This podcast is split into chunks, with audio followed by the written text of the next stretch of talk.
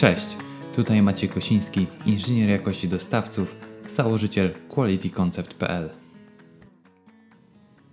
W dzisiejszym podcaście chciałbym podzielić się z Wami dobrymi nawykami, które w pracy na etacie pomogą Wam pracować sprawniej i efektywniej. Zapraszam. Zacznijmy najpierw jednak od tego, skąd się biorą nawyki. Temat ten jest szeroko omawiany przez wielu coachów, ponieważ jest kluczem do rozwoju osobistego. Nawyk jest determinowany przez siłę woli, która musi się pojawić na odpowiednim poziomie w celu realizacji jakiegoś konkretnego zadania. Siła woli jest czymś niemierzalnym, bo każdy ma ją oczywiście na innym poziomie, ale jest to element, nad którym każdy z nas może pracować, a przez to osiągnąć wysokie rezultaty, zarówno w sferach naukowych, życiowych czy chociażby sportowych. I tak oto Mark Muraven powiedział: Jeżeli chcesz zrobić coś, co wymaga siły woli, jak na przykład regularne bieganie po pracy, musisz oszczędzać swój mięsień woli w ciągu dnia. Jak to zadanie można przełożyć do naszego rozwoju? Otóż bardzo prosto. Jeżeli źle poukładasz priorytety w swojej pracy i w chwili, w której będziesz dysponował największą siłą woli, a spożytkujesz ją na wypełnianiu rutynowych, czasem nudnych tabelek czy czytanie niepotrzebnych treści, to w chwili, gdy przejdziesz do zadania priorytetowego, tej siły woli tobie zabraknie, a to nie jest naszym celem. Silna wola to również samokontrola czy samodyscyplina.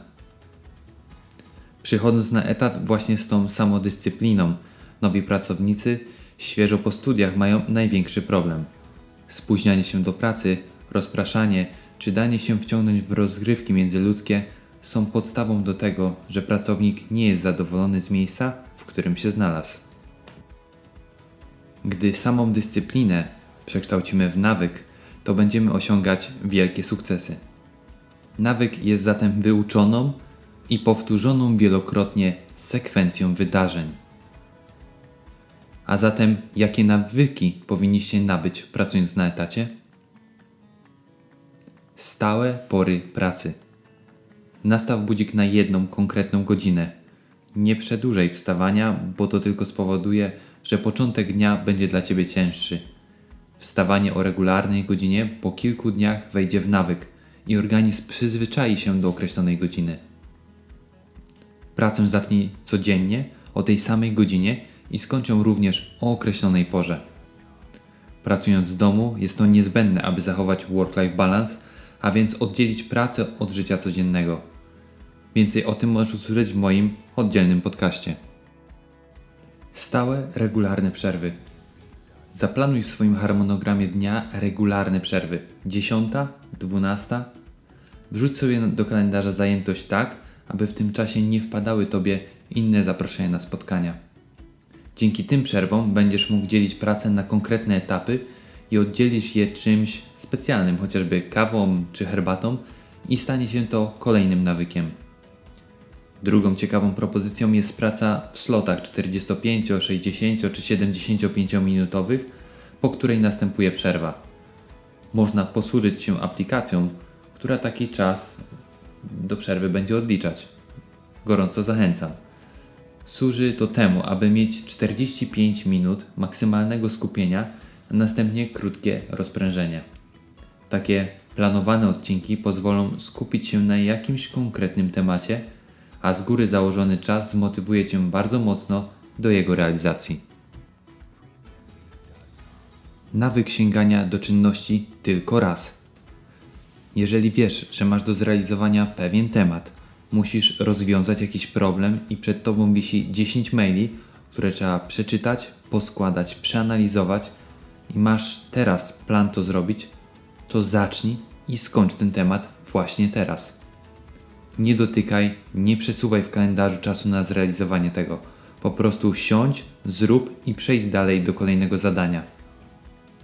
Jest to również bezpośrednio związane z przedstawioną w jednym z podcastów zasadą 5 minut – a więc jeżeli możesz odpowiedzieć i rozwiązać problem całkowicie w 5 minut, to zrób to i nie wracaj już do tego w późniejszym czasie. Plan na każdy dzień. Na każdy dzień pracy posiadaj ustalony z góry plan. Miej, i to jest bardzo ważne, spisane zadania, które chcesz wykonać. Trzy rzeczy z tej listy ustal jako priorytet. Bez skończenia działań priorytetowych nie zakończysz dzisiaj dnia.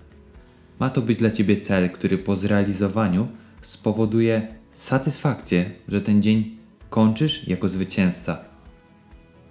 Bardzo skuteczną metodą jest zaplanowanie całego tygodnia już na wieczór w niedzielę, co pozwoli rozpocząć poniedziałek z przemyślanym planem. Efekty tego zauważysz już w piątek, jak będziesz podsumowywał sobie cały tydzień i zobaczysz, co udało się Tobie każdego dnia zrealizować. Czekaj i nie nakręcaj się.